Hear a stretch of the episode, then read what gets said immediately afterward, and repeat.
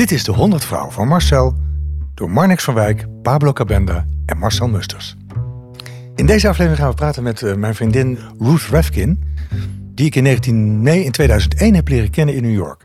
En dat is uh, met, via de huizenruil gebeurd toen? Ja, ik, ik haalde altijd huizen en uh, toen was de bedoeling dat wij dan zouden ruilen. Ik was toen al in New York, hmm. maar toen vielen die torens en uh, kon zij niet ruilen. Oh. En ze hebben elkaar leren kennen en zijn eigenlijk al die jaren bevriend, bevriend gebleven. En volgens mij is ze ook behoorlijk succesvol in de makelaardij. Ze is nu de moeder van een, van een zoon die een heel groot bedrijf heeft, Compass. Ja. ja. in heel Amerika. Een makelaarsbedrijf, maar op een hele ja, hoe zeg je dat? Uh, op een vriendelijke, wat, op een vriendelijke uh, manier. Precies, ja, manier. Want ze is ook alsnog hippie geweest. Jippie? Jippie, jippie, dat was dat het, ga ik, Daar ga ik over vragen, want daar heeft ze me ooit over verteld. Het is net iets anders dan hippie, meer de politieke kant ervan. Ja. En ze is altijd heel politiek geëngageerd geweest, was hippie. In, ze is uh, geboren als Joods meisje in Israël, met twee hele strenge ouders naar New York gekomen. Kreeg op een gegeven moment een vriendje dat African American was is door de familie verstoten en heeft daar een zoon mee gekregen. Uh die man is intussen overleden en die zoon is nu een, soort Obama aan het worden. Uh, ja. En daar wil ik heel graag dat verhaal met haar doornemen en haar levensverhaal. Dat klinkt in ieder geval behoorlijk gevarieerd. Ja, en een, en een heel mooi lang verhaal. Dus wie weet wordt het wel twee afleveringen. Nee. Overigens, deze aflevering gaan we doen in het Engels. Want Ruth spreekt geen Nederlands natuurlijk. Dus het wordt onze internationale, eerste internationale podcast. Wauw. We are, we are going to hear it. We're going to hear it. Yes.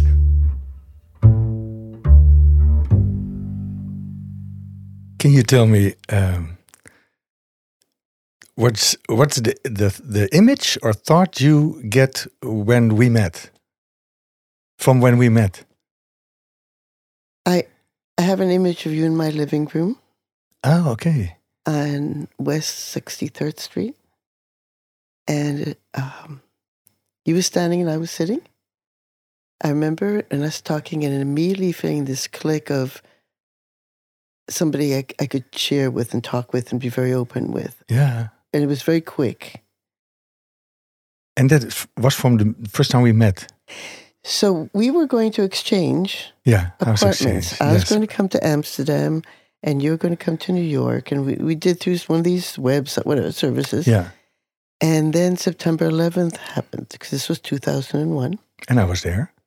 Well, you decided to come anyway, uh, and I decided not to. I after September 11th, I didn't. No, I was already in New York, but I had a, a swap oh. with somebody else, and then oh, after, okay. after, that with you. So you were there, yeah. okay? And I um, changed my mind about going, but we decided to meet anyway. Let you come see the apartment in case you wanted to trade in the future. That's that. That was all. You were coming over to see the apartment. We were going to be friendly for a minute, you know, yeah, yeah, in case yeah. we wanted to. And it, uh, and immediately we just started talking, and uh, I mean the thing that I felt immediately was like the, our values were just in sync, and we came from some totally different backgrounds. Yeah. In so many ways, and a kindred soul is a cliche, mm. but that's what I felt. Oh yeah, me too. Yeah. It's very special, eh? To yes. to to to to look at it uh, also on the whole story. So now from our our history through 21 years. It's going to be 21 years. This coming September 11th yes, in a yes, few days. Yes, we're going to know each other. Wow. Yeah. Yeah, and it's so interesting because you know so much about my life uh, because I, we always talk, and uh-huh. I tell you things that I don't often didn't have time for when I was in Holland because I was always working. Uh-huh. So our conversations, and with more friends in New York, I always could sort of relate to myself by being with you and and. Uh, well, for you, being in New York was a time out of your normal right. life. Yeah, and we never spent a lot of time together. No, we would have lunch, or you know, we'd go for a walk, whatever, dinner maybe. Um, theater. Com- we did whatever, theater as well. yeah, we went to a comedy show once. I remember. Yeah. Um, and uh, but the conversation would always get authentic immediately. It wasn't like, "Oh, how are you? How are you?" Mm. just immediately you'd say what was happening in your life. I'd say what was happening in my life, and we would go through whatever you know agonies of angst that we'd have about the world uh, and what was happening and all the direction, the politics that's going on in the world. So we immediately, you know, because remember, right after that, you know, that was the the war. You know, Yeah. yeah, the invasion of Afghanistan. Although even now we're suffering from from that. Yeah. Twenty one years later, Yeah. So you guys were like immediate friends from the get go. Yeah. immediate, immediate. Yeah, we have a history. We have such a history. Well, you know, it's funny. I was thinking, you know, when you get to a certain age, you look back on your life, and you know, you it also follows the history of what happened during your years. You know, during. I, I mean, I, I think a lot of milestone historical things that I've lived through and, and, and I've been through. And, you know, there's the larger scope and then there's what we do within it. And, and I think that's one of the things that you and I have struggled with is you try and be happy, try and have a good life, but then you're very worried about the situation in the world and you wonder what your part is in it mm. and that constant p- push pull Right. of that scope of history. Yeah. So I was born in 1945 and I was born in Jerusalem, Israel. Mhm. And so that's just at the end of World War II. Mhm.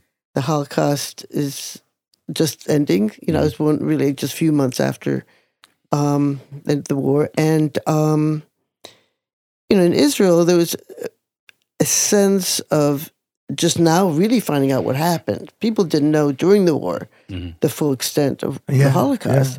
And now here in Israel and Jews, immigrants are coming in. I mean, it was very traumatic times. I was born into, and I was born in Jerusalem. Mhm. My father, coming from very ultra orthodox background, what we call the Black Hats, Yeah.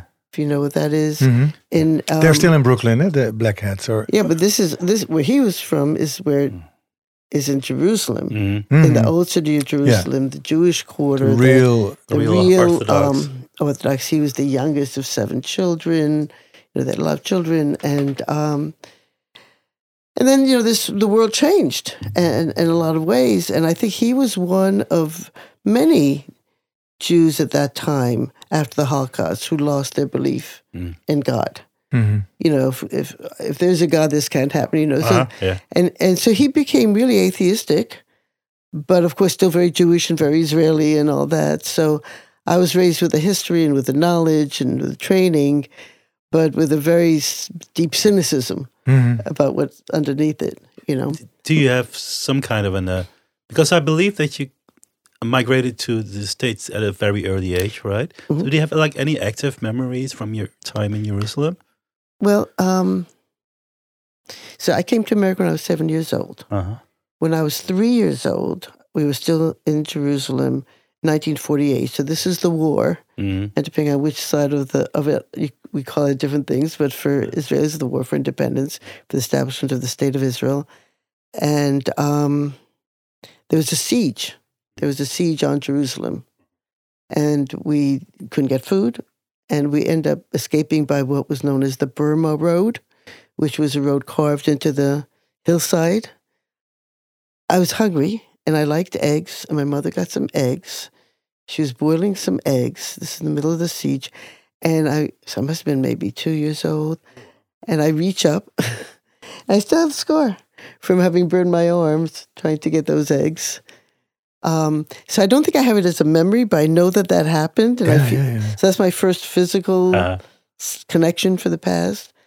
We moved from there straight to Tel Aviv, which at that time was really just sand dunes. You know, it was, Yeah? it's not what it is today by any means. Wow, yeah. And uh, I remember being in the front stoop, whatever it was, of a, of a building. The street was sand. Yeah. You know, uh, there was a small sidewalk, you know. And I remember looking out, and that's my first memory as a person. uh, There is a connection I have to a certain longing and curiosity and wondering what's going to happen to herself. That girl that I, that's my f- a memory connection. Wow. And then I remember coming to America. You know, I was seven years old, and we moved first to one of these residence hotels that um, surrounds the Museum of Natural History in New York, 79th Street, that area. So, and I've sold apartments in, in that Yeah, block, so which I really love. And um, so I remember that. I remember looking out the window and seeing this museum. Yeah. So we stayed in America, and um, I went to a Jewish Orthodox Jewish school, and I grew up in a very, very um, circumscribed way in the middle of New York. You know, one of the things I think is true of immigrants in general is that immigrants bring their families to America or to a new place, hoping for a better life for some reason, right? Um, my parents wanted us to have everything that America could give us, but not all this other stuff, you know, yeah. which is the culture of what America really is and what New York is. So to grow up and not not know somebody that was not Jewish until I was went to college. Wow, yeah. Not not to talk to as a friend. Nobody, you know, but in the middle of New York City. Yeah. yeah. And what what happened at the moment that that you could have that uh... Oh, I went crazy. When I went off to college, see, I was a, I was already very rebellious and I wanted out so bad and I was And were you expected to do like something very um, I don't know, academic, be a doctor or a lawyer or whatever? No, I was supposed to get married. Ah, okay. Um, I was supposed to get married. I was supposed to marry who they wanted me to marry and um, have kids. And you got an education, the expression was in case. In case. Uh-huh. And where I was fortunate is I was sent, even though I went to an Orthodox school, it was a it was very professedly a modern Orthodox school. So it was mixed boys and girls.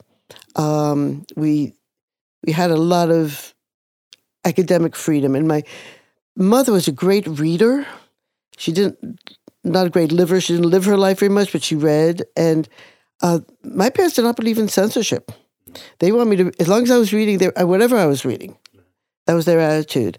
So intellectually, I was allowed to grow and to grow. So I was fortunate that way. So my mind was allowed to grow, and I, I read I was very precocious in my reading, and and um, and what interested me, you know. So and I was allowed to.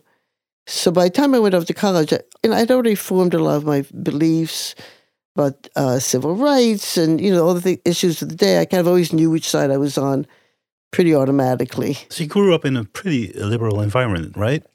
Very repressed, very authoritarian in terms of our behavior. Uh, my father was very controlling, but some of the belief systems were left wing. You have to think of Israel as a country that is very communistic, and a lot of its roots, the, the kibbutzim, the kibbutzes in Israel, are communes. Yeah, and there, uh, the, a lot of the founding of the state of Israel, in terms of where the people came from, was Russians, Russian Jews, yeah, yeah. that that were part of that whole revolution of leftism and uh, you know that, the whole, whole system that whole yeah all that stuff with the full range of the disagreements within that left you know came to israel so um you know even though my father wanted and to survive in the capitalist world there was still there was this feeling of left leaning so but so my family would be very much for civil rights, but not for me to have any black friends. Okay. Yeah. yeah. Okay. Yeah. And that's the way it kind of played out. Uh. So when I had a black child, it did not go over well with that family. so they cut me off totally. I was disowned, disinherited. And uh, didn't have any contacts whatsoever with your parents anymore. Well, at this point, I'm the only one left of the four of us. My sister died a few years ago, also. My father died never having talked to me after I had my son. Mm. He disowned me, that was the end of it.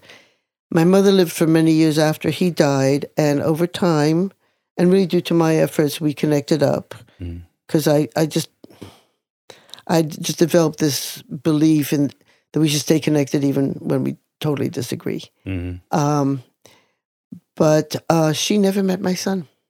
Oh. She refused to meet him. My sister met my son, but by then my son didn't have much interest in meeting them very mm-hmm. much. So you know, and then my nieces and I, you know, we're in touch, and they they met him, but there's not really a connection.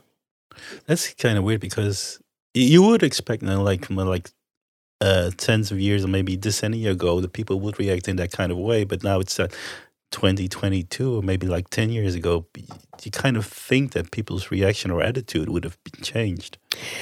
Remember again, my, where my father originally came from, mm-hmm. you know, which was this ultra orthodox, totally insular world of a, a Jewish ghetto, you know, really in in in Jerusalem, you know, back in the old days, you know, Wow, yeah. talking about he was he was born in the teens, the nineteen teens, you know. Um, you weren't supposed to marry anybody who wasn't Jewish, period. And I, you know, Which is very rac- racistic, uh, said, you said the other day. it is. It is, yeah, Like, in a way. it's the definition of racism. Yeah. And you can give me all the reasons in the world. I can give you reasons for racism. Yeah. You know, everybody justifies it for themselves. But at the end of the day, what's the difference? So I, you know, I, I recently visited with some friends from high school, and everybody was talking about their grandchildren, their children, you know, and you know, I said talked about Robert that he was racially mixed, and one of them asks me, "Well, does he consider himself Jewish?" Now she didn't ask anybody else in that room if the kids consider themselves Jewish, and not Mhm. all of them were purely. I mean, some of them were married, intermarried in other ways, you know. So it's, and she didn't mean anything bad by it, you know. It's just an unconscious Yeah, yeah. the way we define it. Yeah. See, my son is black and Jewish, and I want him to be pr- proud of and aware of the history and the culture of both of those. Right. And then he ma- goes off and marries himself a Dominican woman, so now the children also they go to Dominican Republic to know about that. You know, this Right. is Yeah. the richness, Yeah. I, the richness of the of the interracial mixtures. It's beautiful, yeah. Is I love Yeah. and I have been honored to gain access to it by this accident of mine, not even realizing what I was doing sometimes, you know. But um, it's to me something I celebrate, and, and I just really love it. So, um, so yeah, it, it, as a Jew that's secular though, separate from the other piece of it. I think it's important to give my child a Jewish education with, that they can either embrace or reject Right. hmm the same way I want them to go to to school to learn the history of the country. Mhm. You know, whatever. I, you don't have to agree with it, but you have to go to school. You got to be literate. You read, write, arithmetic, history, literature. You know, of as much culture as much as you can learn. You know, I want to say something. I went to your museum here, the Reich Museum, Yeah. and you do something here that's so damn civilized compared to what's happening in America. Yeah. So in America, if he has depictions of slavery or the Confederate War, the argument is do we tear this down? Do we build it up? There you have the pictures, but you put it in the context. Right. So Yeah. it- there's a whole thing that explains what this means in the context of the history of slavery. This picture only happened because of the oppression of, of, Yeah, of yeah. people, the sugar plantations in Brazil. And so it's, we're not burning the picture. Mhm. I don't like censorship of any kind Right. Right. left, right, anywhere, you know? And that's what my parents gave me. So how? Uh, uh, what happened when you left home? Okay, so hey, my father was very, like I say, I was very frightened of my father. Mhm. He was very authoritarian, very strict. I, uh, we were not allowed to do the things even the other girls could do in my school, you know, not allowed to go out to parties, whatever. Every, I could go to school Very strict. Very strict. And um, he never raised a hand to me, but I was petrified of him. You know, I look back at it now and I go, he, he never. But, um, and uh, I learned from a pretty young age to sneak around and lie so I could do whatever I, you know, if I wanted to do anything. Mhm. Anything I, anything I did, you know, I had to find some excuse that he would allow me to leave the house or, you know, whatever. Um, so I was looking forward to getting away. I was looking forward to going to college. I could go whatever. And somehow, and that's another whole story, but somehow I managed to go to an, an away girls' school so I didn't have to live at home anymore because my sister, who's older than me, was already there at, at that Gou- at Goucher College in, in Baltimore, in Maryland. So I ended up in a place I didn't belong because it was a very prim little girls' school, and that's not what I wanted. But at le- at least I was away from home, and I went crazy. Yeah. I re- no, I really did. I well, I stayed up all night. You know, I mean, I- I was still a virgin then, so it wasn't like that. But it was Yeah. it was like, well, my sister, What age were you then? eighteen. 18. Okay. But see, my sister had started smoking cigarettes. It was very, very, Mhm. you know, glamorous to smoke Mm. those days. And so I started shortly after. So by the time I went to, but of course my parents didn't know we smoked. Yeah. So I went off to college and I could smoke as much as I wanted to. I smoked so much. The first week there, I got sick. I ended up in the infirmary, missing the first week of school. Really? Oh my god. Yes, which was really bad because it threw me off. Because academically, it was a hard school. I had a hard time catching up. Jesus, yeah. So, but and I had been really good in high school because I I wanted to go to college and get away from my parents.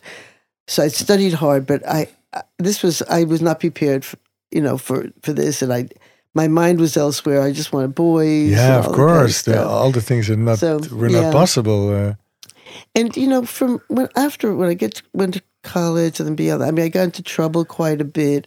It was always because some boy, you know, some guy I was in love with and broke my heart.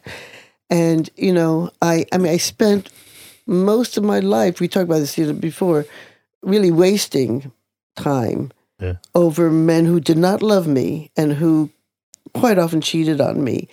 And even all the way through my therapy and all that, like, why is this happening? Where is it? My parents were happily married. Why? Turns out, years later, I found out my father was a blatant womanizer Okay. who cheated on my mother. Everybody knew it. I just, you know, so I was playing out a script that I didn't even know it was happening. You know, and, and now you look back, stupid, how come didn't figure out? But, you know. Yeah. Well, you don't have the information that you have now, right? Yeah, but so so there's a. I, I don't think I ever was really self destructive. I think I was just foolish, and so I ended up doing things that hurt hurt me. Mm-hmm. Like I got busted trying to smuggle pot into the United States Yeah. from Mexico.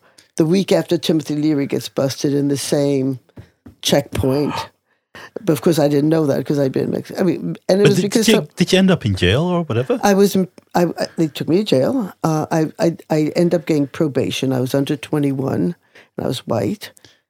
And, yeah, that helps.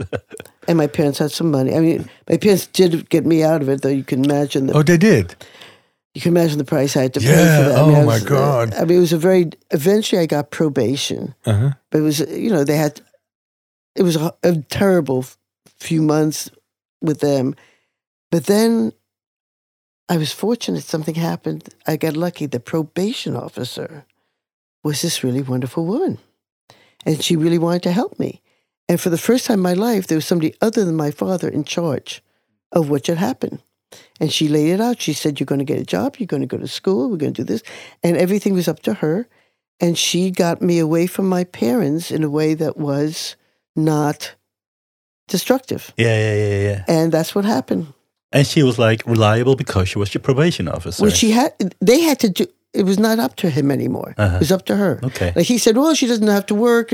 No, she's going to work. And and what happens? I end up with money. And so when I was ready to leave, I had some money. Uh-huh. And she, you know, and, and I mean, I was, I was, a, I, knew, I knew nothing about the world, you know. And she insisted I be in therapy. So that's when I first entered therapy. I got a wonderful woman who really, so little by little, I started building myself up a little bit. And then I met my first miracle, which was Gene Mhm. Reffkin, who's the man I ended up marrying. Um, so Gene and I were like shelters in the storm for each other. We both had had difficult families and eventually realizing we were more brother and sister than husband and wife. But we end up getting married and living together for a long time. And he's my brother now. You know, he is the godfather for my son. Um, and he's the one who really helped me when I was a single mother. So, you know, um, so now I really had a friend. And so this, you know, we went through the 60s and 70s together. And those were really very a big upheaval. And there I was coming out of just starting to learn a little about who I am, you know, finally out from my parents' thumb. I married Gene. Really, it helped us get away from our parents, both of us. It Mhm. Yeah, made yeah. us separate entities. And then, and so we, we were in New York. We ended up going out to California together. And so it was with Gene I went to Woodstock. Oh yeah, yeah. I read about that. Yeah, yeah, yeah, yeah. So by this time you were like a full fledged hippie or whatever. Well, this was just the beginning of the hippie times. Okay. 65 is when I got Grandma's telling. 1965. 1965. I remember that. I that. remember 1965. Yeah, so, you know, I end up at NYU yeah. um, to finish up my, was part of my probation. I was back in school. And uh, and Gene was there, but it, it was a very political time. Now we we had moved from like the civil rights era to now it's more larger, more uh, militant. There's anti-war. There's anti-poverty movement. Martin Luther King has not yet been assassinated, uh, nor of the Kennedys. So, but you know, we both really migrated to the left wing, to the more radical leftists, um, both in the school groups and then beyond. We were living in the village. We were living in Greenwich Village. We were there when the Stonewall riot happened. Oh, really? Just a few blocks away, yeah. Oh, wow. You know, it was that time. And we were living there, you know, right mm. by hmm. Washington Square. Our apartment that we lived together was literally 11 Waverly Place, you know, New York. Yeah, yeah, yeah. Oh, there, yeah. block away so from. Look out the yeah. window and you're like an observer well, no, it's just uh, one block. Yeah, yeah. You can't see it. But, but, but, you look out the window, you see a wall. That's another story. Anyway, so um, we were very much involved in all that, and um, and then things really went crazy. You know, the Kennedys got assassinated, Martin Luther King got assassinated, and uh, I mean, we became more, much more left wing, much more radicalized. Mm. And then I be, then women's liberation happened. It didn't happen. I mean, the it, it it came to the forefront, and I I started joining in those conversations, being very involved involved in. Um, I never told you this. The first women's liberation group I call I, I joined officially was called Witch. Yeah. Oh, yeah. Women's International Terrorist Conspiracy from Hell. Good. That's a good name. Good. That's you know stuff like that, yeah, right? Yeah. I was actually in the room as we were designing. You know the symbol, the women's symbol with a fist in mm-hmm, it. Mm-hmm. Yeah. Do you know that was actually designed by a man? Oh, really? No. So you know who Robin Morgan is? She's a great feminist thinker. She's written many books. And she then was also my age, and we were all together, and there was some demonstration, something we were going to be working on.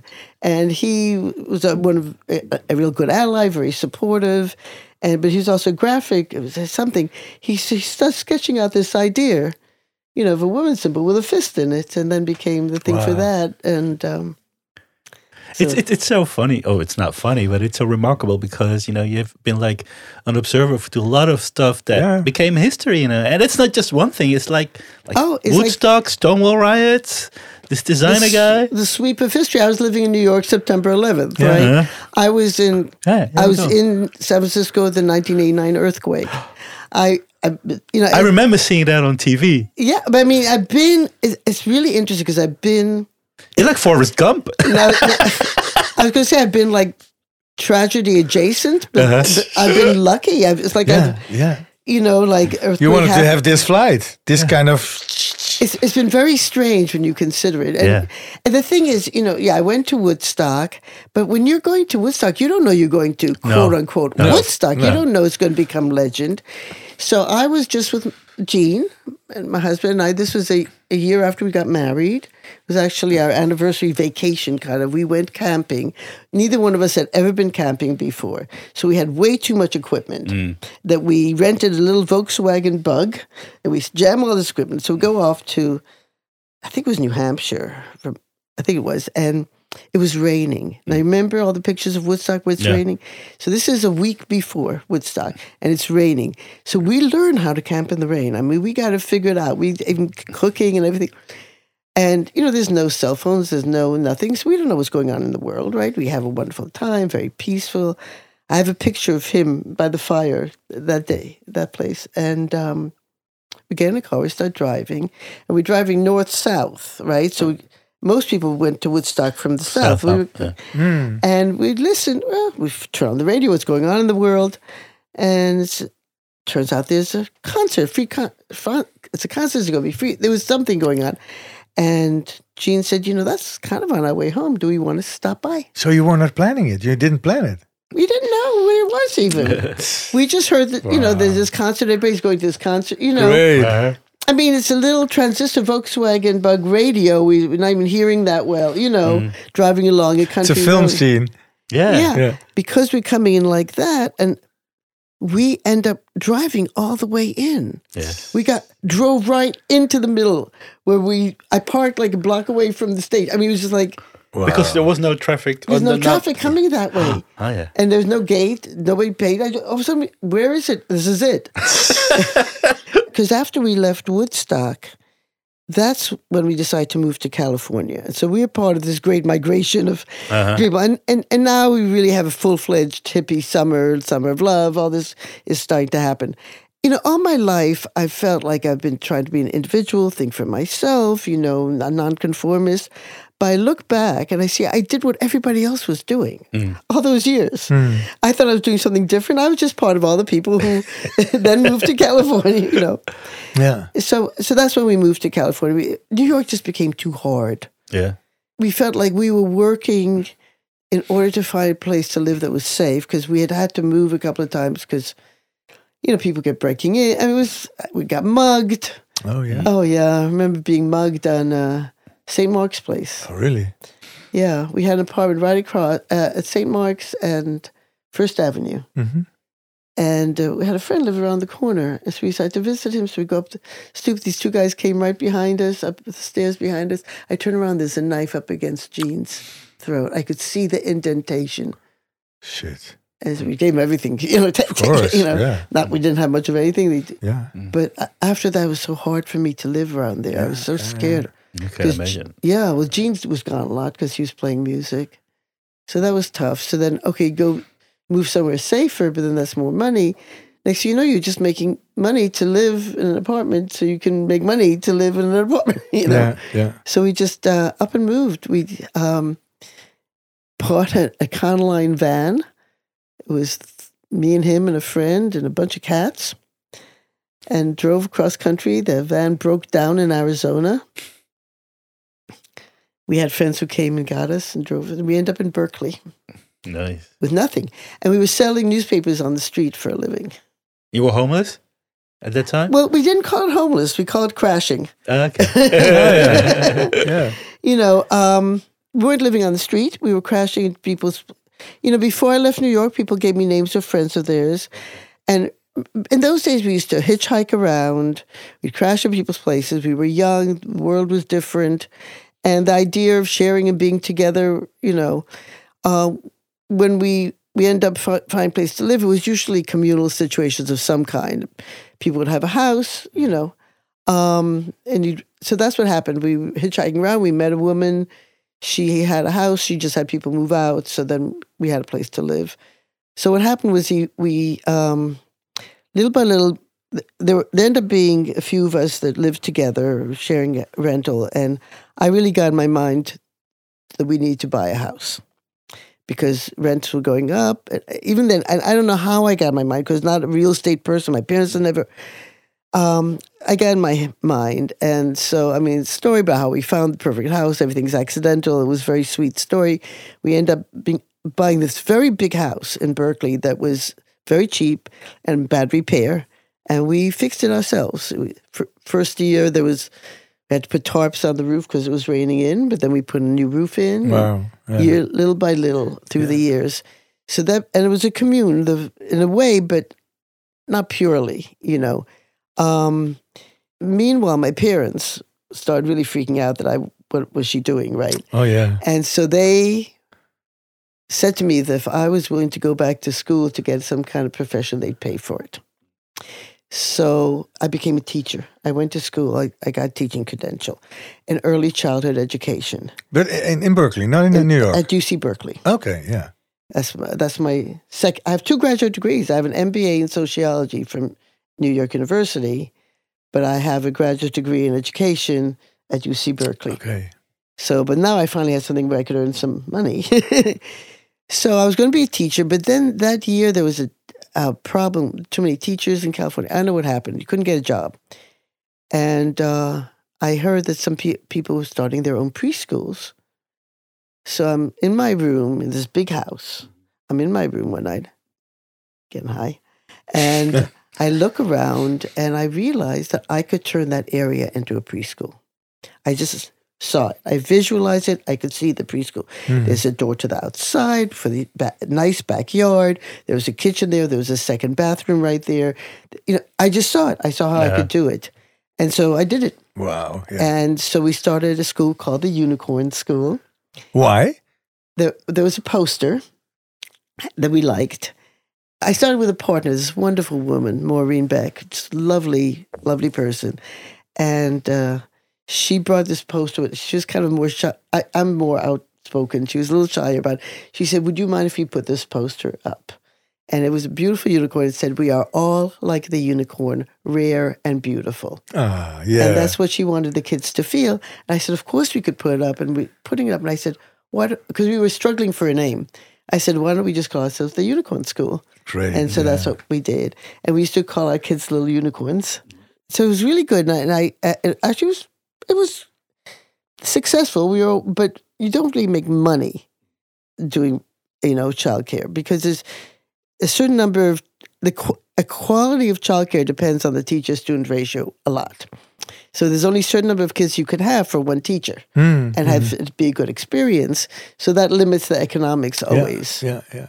Uh, but I did for for many years, and I actually ended up uh, administrating early childhood programs. Uh, I ended up my last job in, in education. I was the early childhood director of the of a large Jewish community center, three hundred families in my programs, very big. I still couldn't make enough money. Crazy, yeah. That's Well, because so by, by then I had a son, and I wanted him to get a good education, and um, I could, you know, it's. I, I couldn't afford the education. I, I couldn't afford to send him to my own program. yeah. So you know, so, but how I had my son. So meanwhile, I had this. So I had the school, and I was doing well, but the relationship broke up. That so we were, I was I was in a couple when we bought the house, and that relationship broke up. We're still friends, but as a, as the relationship broke up, and I went through. That was one of my better relationships I had in my life with men. He was a good. Hmm. Paul Drescher's his name. He's. We still continued living together in the house. So now Gene's there, and Paul's there. Oh, nice. but neither one of us are in couples.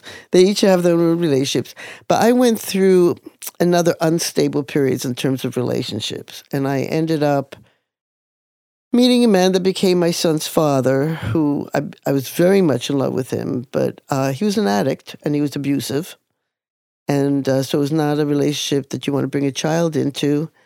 Um, and you know, it was, it was a very difficult time for me. It was a great turmoil, fear, um, and I found myself pregnant. And I had had two miscarriages before of children that I planned and wanted. With him? N- One with Paul, hmm a- and that's the, actually it was around the time of our breakup, and I lost that child in the relationship at the same time. It was a sad time. And then when I first met Robert's father, and things were going well. I accidentally got pregnant, but I was happy about it. hmm And I, but then I lost that child. Oh, yeah. Um, and that had to do some with abuse. Hmm. And it, it was a bad thing. So, um, so then, you know, it, it was a kind of you know addictive relationships. Are, are you know you pull is push pull. You break up, you get together, you can break. So this was a time that we were together and things were actually going kind of very nicely. We went to this wonderful place in California called Harbin's Hot Springs, and I became pregnant, and it was a happy night. But here I was pregnant, and I knew I knew what my parents would say because he was a black man, so that was not good. You know, I knew I was going to be on my own that way. Hmm. Uh, I knew this was not a good man, not reliable, not even one that should be around. It was re- so I decided to have an abortion. And then the night before I was supposed to have the abortion, I freaked out. Yeah. and uh, as I said to my friend, I want to kill his father, and I don't want the the, the father, not the baby. Yeah, I understand that. Yeah. Uh, so I made a decision, and I kind of knew. I knew I was going to be facing a very hard road Yeah. Yeah. in a lot of ways. I, of course, you never know what the road really is going to be, and I think I had no idea of the wonderful things that happened at all. Right. You know, Yeah. um, because of course my life turned out have that decision having Robert, my son. Um, I mean, he's turned out to be a wonderful, Yeah. a wonderful human being and a wonderful son. Yes. Yes. And I have a wonderful life as a result, Yeah. and have landed quite well. Yeah. Thank you. Yeah. so it's, it's it's been an interesting ride. But um, so now I, I find myself, I'm a white woman and I have to raise a black man in America on my own. A Jewish woman. Yeah. But yeah, a, a white Jewish woman. Yeah. But, you know, certainly not a black woman, certainly not a black man. And how do you do that responsibly? hmm You know, and it's a challenge. It's, you know, I had to give them some the same messages that that black mother would give them about being careful in the world and Please continue your story. But I was thinking, did you get meet a lot of like negative responses walking uh, down the street? You know, with your own child, people not believing that it's your son, or Yes. Hmm. That, that that's a big part of As a matter of fact, Robert came home crying once because uh, people told him he was adopted. Children told him he was adopted because he didn't look like me. That was when he was young. But I've had many people ask me if he was adopted, which is awfully rude. How do you react to that? Depending on the situation, I could be more or less polite. Uh huh. I I have been incredibly rude. There was one woman. I got in her face and I said, "Are you asking me if I fucked a black man? Is that your question?" Yeah. You know, Uh huh. And then she was all quiet. she was she turned pretty red. um, but but sometimes you know you just you know it's interesting because when um, the one time I was visually profiled with him, which was you know I took him to Israel before Yeah. his bar mitzvah to see Israel, and um, you know there you really the passport control is serious, Mhm. and I come in you know with with this child who looks different from me, but not really. If you look if you look at the face, he's definitely my son. And this uh, Israeli security person, a woman, soldier, really knew what she was doing. She says, Your son? She's looking at the passport, your son? Because she's looking at the names. And it's like almost like I felt like the click of a photograph. She looked at me. She looked at him. Yeah. She looked back at me. She said, she said Your son. Ah, yeah, yeah, yeah, okay. yeah, Just yeah. like that. Yeah. But um, it's interesting because, look, he's a black man in America. He's six foot tall. He's not dark, but he's definitely. He's like Obama kind. Eh? I Yeah. always Yeah. thought- Well, he met Obama, and Obama told him that they look alike. yes, Oh wow! it is. It is. Yes. Yeah. He could pass There's for his brief- son. Yeah, no, I mean, it, it's it's you know, I always say it's an it's a new race we're developing. Yeah. Mixed, Yeah, yeah, you know. yeah. I like that. Um, but so you know, he's he's had to deal with that. I mean, I've been in stores with him where I see him being followed by a store detective. Mhm. You know, and, and then and people that kind of don't realize we're together, and then they behave differently when once they realize. Um, I mean, and he he went to school in America. I mean, he had to deal with all that stuff. But Robert is a very positive person. He like he doesn't like to wallow in negativity. He's very um, motivated in the things whatever he wants to do. He's motivated to do it, Mhm. and he has an amazing smile. Mm. No, he just does. You know, he just Mhm. smiles. He takes the time. He'll shake your hand, and so he has a way of. Um, Charming. well, I was going to say deflecting negativity. yeah. You know, Yeah. you know, Yeah. I'm not like that. Somebody comes at me with negativity, I'm like that. He'll just turn. He'll look at me like, "Ma, cool it," and he'll just turn around, smile, you know, extend a hand, and all of a sudden, the waters part before you, you know. Uh, so I need to learn from him about that. But um, you know, but raising him, you know, the, it, was always a challenge, and, and there were decisions to be made at all times. It's like, look, if you're white and you're raising a black kid in America, you don't move to Mississippi. So I was living in Berkeley. So I was living in, in one of the most liberal Yeah, places in the world that you could live. But yet racism is deep. We all have it. I have it. Mm-hmm. He has it. You know, when people say, I'm not racist, how can you say that? Oh. You grew up on this planet. This is a racist planet, and America is a very racist country. My son was a teenager, right? And his friends, just like kids do, they walk down the street, they're a little loud, they're joking with each other. And one day I'm walking down the street and I, I see some black boys walking towards me, and I have that like little fear reaction. And I realize, my God, I, I could be looking at my son Yeah. Yeah. and look at the reaction I'm having. And it's not like I decide to have the reaction. I didn't say, hmm, now I want to have a racist race. It's like Something that just comes it up. just happens. Yeah. And then you and then you hate yourself for it, and then you second guess yourself, and you know. So that's what it's like. I think you have, but you have to be aware. So we are who we are, but yet we have a responsibility to be our best selves. And so, I mean, I think, That's your conviction, eh? That you have to be your best self. well, yes, yes, Yeah, yeah, well, yes. I try to be a good person. Yeah. I fail miserably quite often, but it's not enough for me to say, oh, yes, I'm racist, so that's the way the world is. I, mm-hmm. You know, the new language now that I'm old, you know, we had our language when we were dealing with these issues when I was in my 20s and 30s. Now it's it's getting more refined, and it's interesting to me to read the anti the idea of anti-racism, because we didn't talk about anti-racism, we just tried not to be racist. Mm-hmm. And anti-racist is much more active, it's much more progressive. Um, I don't. I don't think we accomplish any of this stuff by splintering off and criticizing each other. And I, am very much against cancel culture. Mm-hmm. Uh, this goes back to the, I'm against censorship, right? Yeah. Uh, it seems to be a free flow of ideas, and if you say something horrific, I can call you out for it, but I shouldn't try to cancel your right to have an idea. It. It's just like book burning. Exactly, and we left or right, it doesn't, you know, but. um you know, in, in, in terms of race, and you know, I had a responsibility. Then, I mean, a larger one than just as a person in the society, because now I'm a mother, and I'm raising, you know, not just a black child, but a black man in America. Yeah. You know, and I'm, I wanted him to know what was good about being black and what was good about being Jewish before he heard about slavery and the Holocaust. Okay. You yeah. know, I didn't want him to grow up just with a negativity mm. and paranoia. Yeah. Because I grew up not as a child of Holocaust survivors, because my parents grew up in Israel, but I did grow up as a generation of children of Holocaust survivors. In my school, several of my classmates were born in displaced persons camps mm-hmm. in Europe. So, you know, it was really. Yeah.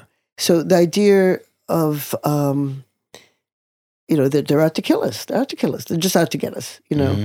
that I grew up with. And I didn't want him to grow up feeling that way, even though Sometimes it's true, mm-hmm. but still, there's not a way to raise a child. You know, first first have some hope, and then you learn what you well, have. That's to. a very wise. Yeah.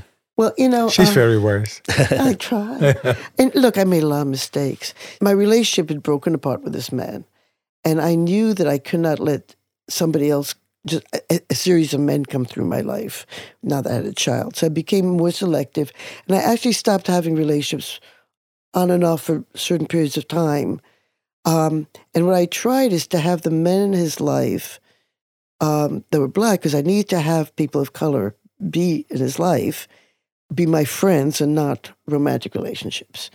So that was very important to me. And so sometimes maybe some relationships that would have gone in another direction, mm-hmm. I, you know, Robert needs a friend more than I need to get laid mm-hmm. right now. you yeah, know, yeah, was yeah, that kind of thing.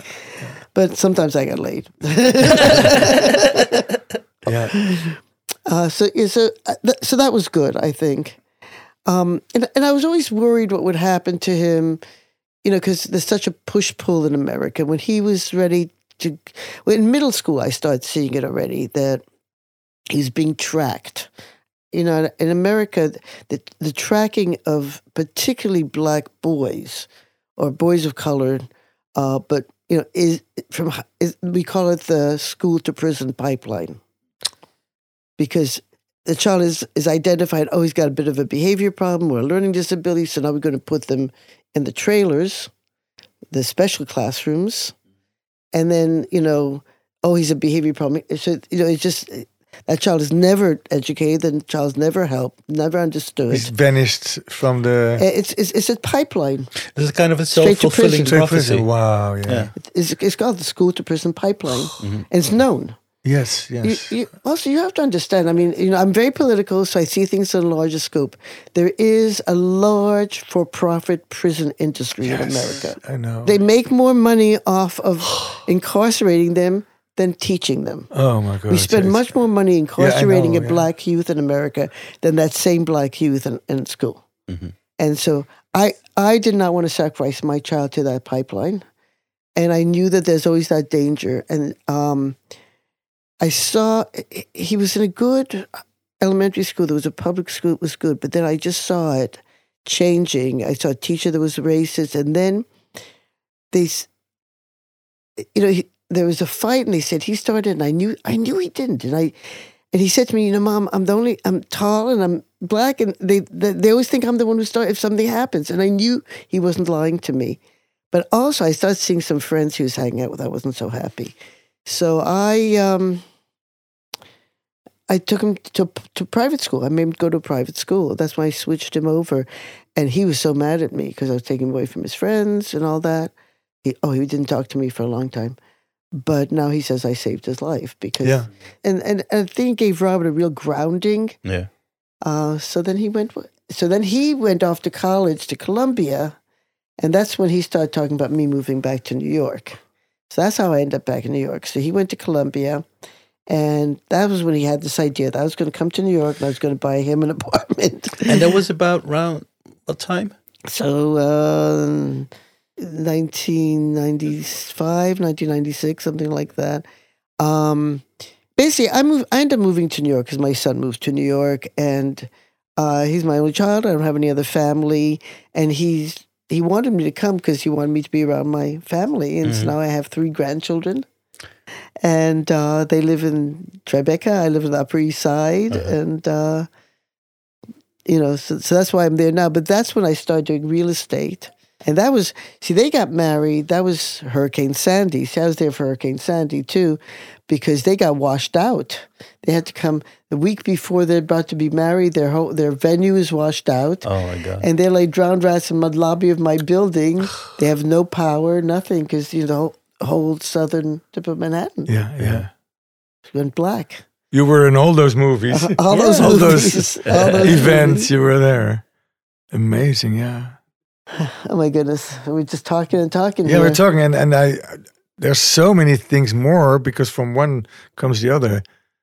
Okay, I know what I want to talk about. Yes. Oh, okay. Um, you used to have asked me what I would want to tell my younger self or what I would want to tell young people Mhm. from this point of view. And I would like to say a little bit about that. Um, you know, I feel, I mean, if I was to tell my younger self anything is that's all going to work out okay, so just chill out a little bit. Mhm. It actually has worked out for me. But I think the problem, I mean, there's this infernal paradox between youth and old age, which was once we know, we're too old to enjoy, you know. And young people, no matter how much they think they're interested in what you have to say, they don't really listen to No. what you're saying Yeah. when you tell them that every minute counts. You know, and at a certain point in my life, I I'd been working very hard to make money because I was trying to support my son, all these things, you know, and I just had this realization that I was spending so much time trying to support him that I wasn't spending that much time with him. And it I realized one night that I can always make more money, but I can never make more time Mm. and that this minute is never coming back. I mean, we are sitting here, we're doing this podcast together. This is a memory, and you know, that- but it's not going to come back. And the older I am, the more my life is full of memories, and sometimes they're wonderful ones, and sometimes we are talking earlier that you, embarrassing ones where you can still cringe at something that happened seventy years ago, you know, or something like that. Um, and definitely, I feel there are things I wish I could make amends for. But um, you know that song, uh, "My Way." Mhm. Yeah. So actually, for my 70th birthday party, I played that song, and I still feel the way. So, it, you know, regrets. Sure, I have a few. Uh, But then again, too few to mention. Too mention. few to mention. Yeah. And you know, the thing is, regret is a loaded word. Mhm. Um, if I knew what I would do differently, that's a bullshit question because you can't answer that question because you you can't know and you wouldn't do differently. And that's and at the, the same time, you can argue that you know if you did something wrong, you probably learned from that and turned you into another person. Yeah, maybe a better person. well, that's the thing. I, this is it. This is who I am. Yeah. you know, I think that's part of my problem with cancel culture because I think if you went back and you had um, a recording of something I said at some consciousness raising women's liberation meeting in 1969, you would find I might have said something that I should be canceled for today. You know, but we were struggling to learn. We were, you know, I remember. I remember first times of really, first time I really sat down and had a dialogue with a black woman political dialogue where there was nobody else around. It was just us trying to explore. And she was patient with me, and I and I started understanding stuff I didn't understand.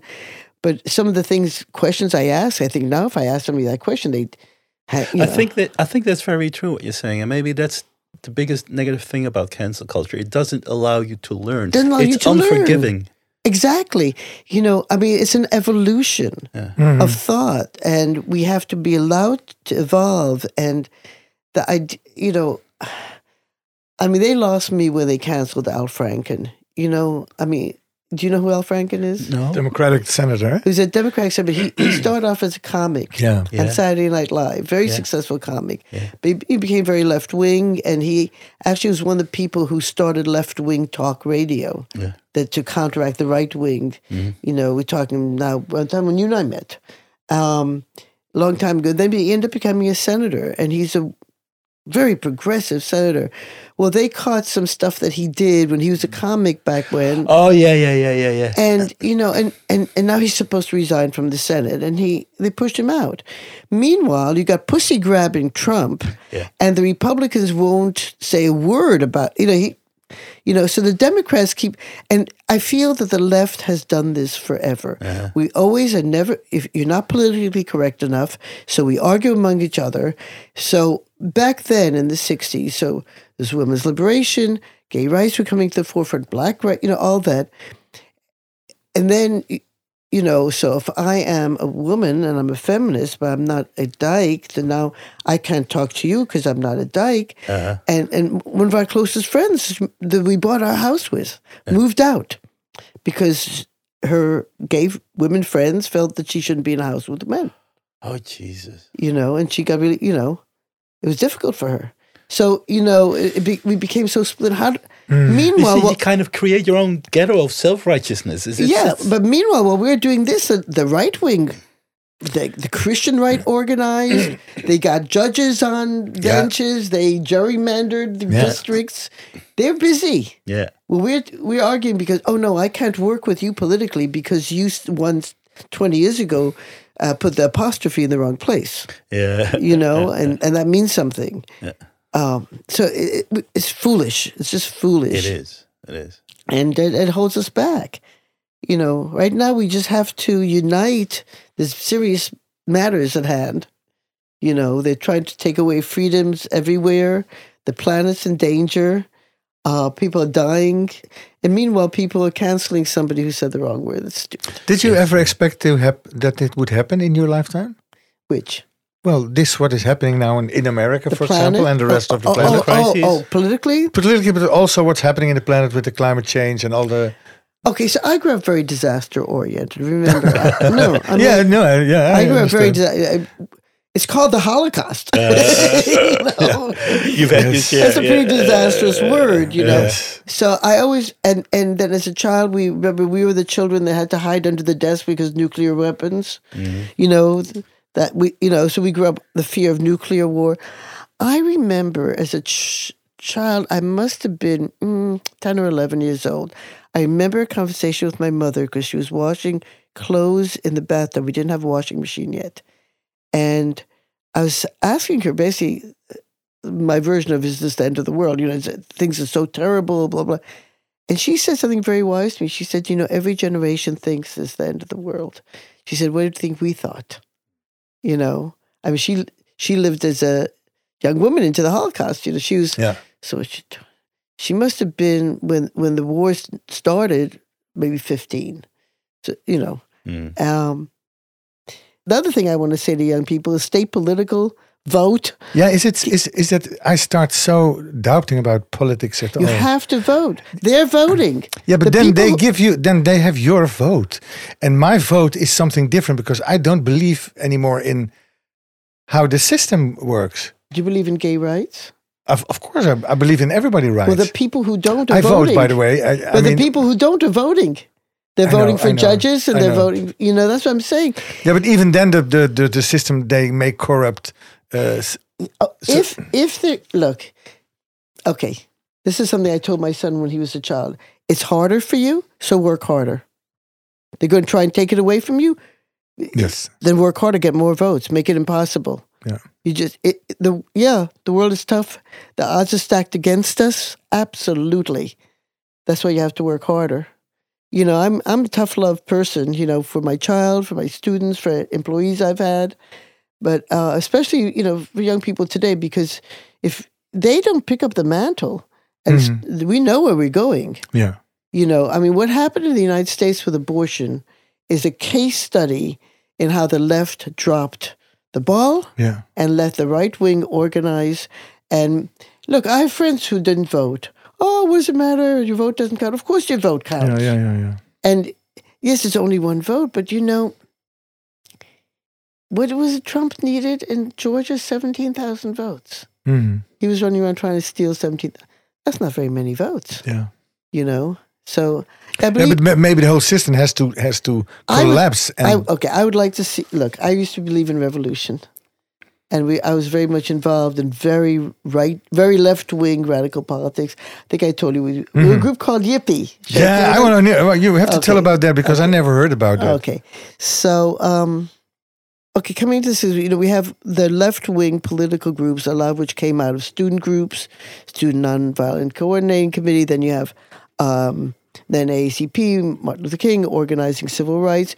So you have a lot of already progressive left wing, whatever you want to call it, organizations that, and things that people have been getting more and more militant. Mhm. Uh, more, felt things felt more urgent because of the war and all that. At the same time, you know, there was the whole cultural revolution. So I guess it's the wrong word. It's not like China, but that happened in America coming out of um, the 50s music becomes the 60s music, sex, drugs, and rock and roll, hippies, and all that. And so that was the hippie movement was more like it was very not political. It was more like lifestyle. We're going to enjoy music. We're going to um, drop out of society, Yeah, kind of. Was Leary said, uh, tune in, drop in, but drop out. The whole Yeah. idea is to drop out. So the political people look at that. And all of us, we was young. We were also doing, we were smoking pot and whatever. Also, but we said this: these youth that's doing this, we have to educate them. They have to understand. You know, not long-haired men were being treated kind of a little bit. You know, like there's prejudice against them. We have to educate them. So the group was called Yippie. So instead of hippie, it's called Yippie. Did you know that? I never heard. I know the term, but I don't know what it stands Yeah, it's so for. interesting. So she was- told me the other day. Yippie and Abbie Hoffman. Do you know who Abbie? Yeah, Hoffman? Abbie Hoffman. So Abbie Hoffman, Paul Krassner, Jerry Rubin, a few of those people, and a bunch of women who nobody talked about now um, st- started that kind of thing. And now there's a book that's been written in America called Yippie Girl Yeah. by a woman named Judy Gumbo. And I, it's almost like she and I must have known each other, but I didn't know. But a lot of the history, she was very involved in that or that organization. It's almost like she tells a story, and I think she was on that side of the room, I was on that yeah, side yeah. of the room. Um, and um, so it was kind of very left wing policies, but a little hedonistic, and everybody was sleeping with each other. So I had uh, a liaison with uh, Abbie Hoffman. You had. Yes, yes. Uh, Oh wow! I wouldn't want to call- you, you really are like a Forrest Gump. yeah. So I wouldn't want to call it an affair because that would be Too exalting it. Yeah. We fucked around quite Uh-huh. a bit and had good sex with each other and enjoyed each other's company. But also, we did political action things together. Uh-huh. And um, you know, one of the things that they did before I met them was they they surrounded the Pentagon. They, uh, Allen Ginsberg was Yeah. part of that, and they were they were going to try and levitate the Pentagon. So they got Yeah. Uh, so that was the idea. It was, it was political, but it was theater, but it was left wing theater. It was kind of pranky as well. A lot of pranks. Actually, the Merry Pranksters came out Yeah. of that. So you know, I got to know these people. Uh, I can say that a lot of the acid I took was came from Timothy Leary's Uh, it's the stash. So you know, uh, we did a lot. We did, did I was did a lot of acid in those days, and uh, of course getting high. Meanwhile, trying to survive in New York. Um, so, um, but then you know, it became it, it became very dark. They got arrested. There was the big trial.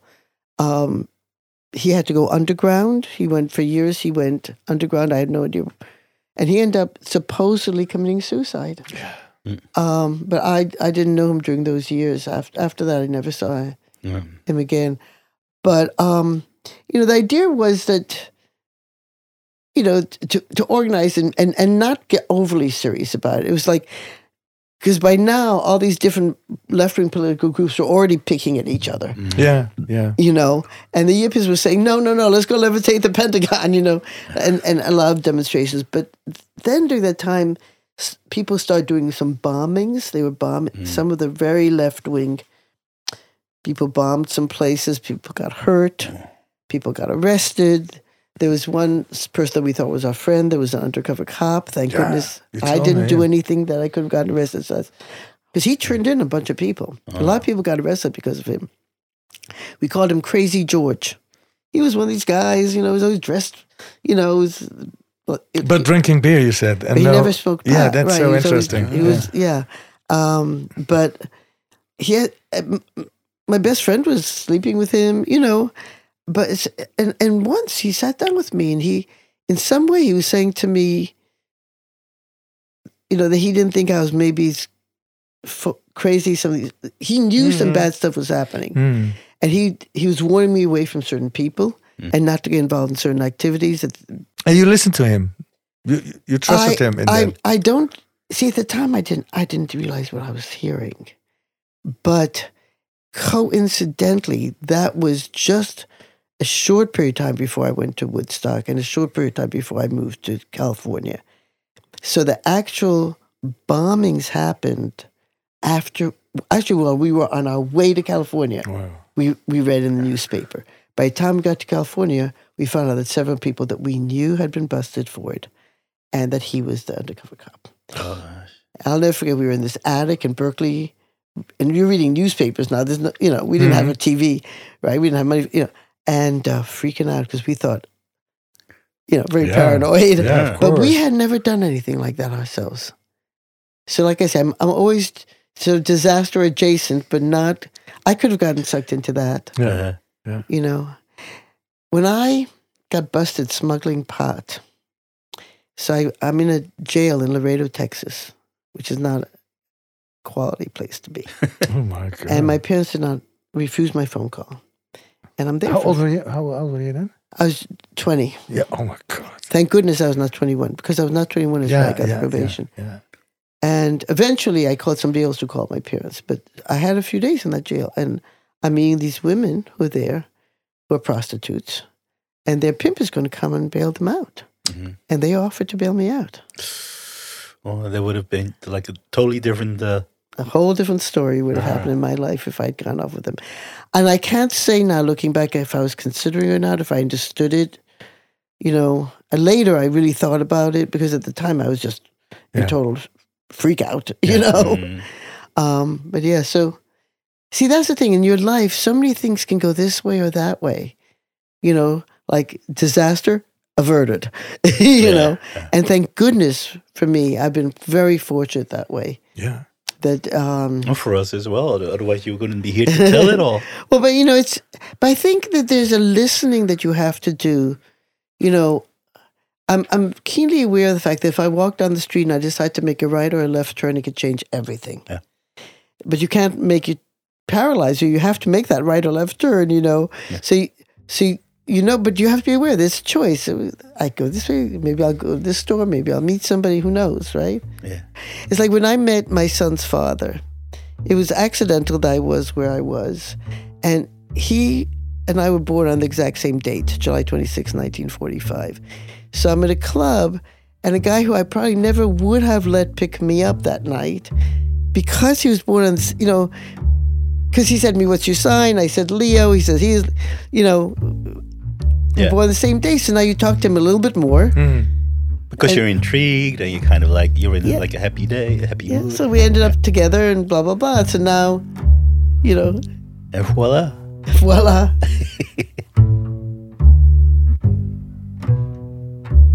Dit was de 100 vrouwen van Marcel met het eerste deel van ons gesprek met Ruth Refkin. In de volgende aflevering praten we met haar door. Ze heeft heel veel te vertellen. Tot dan.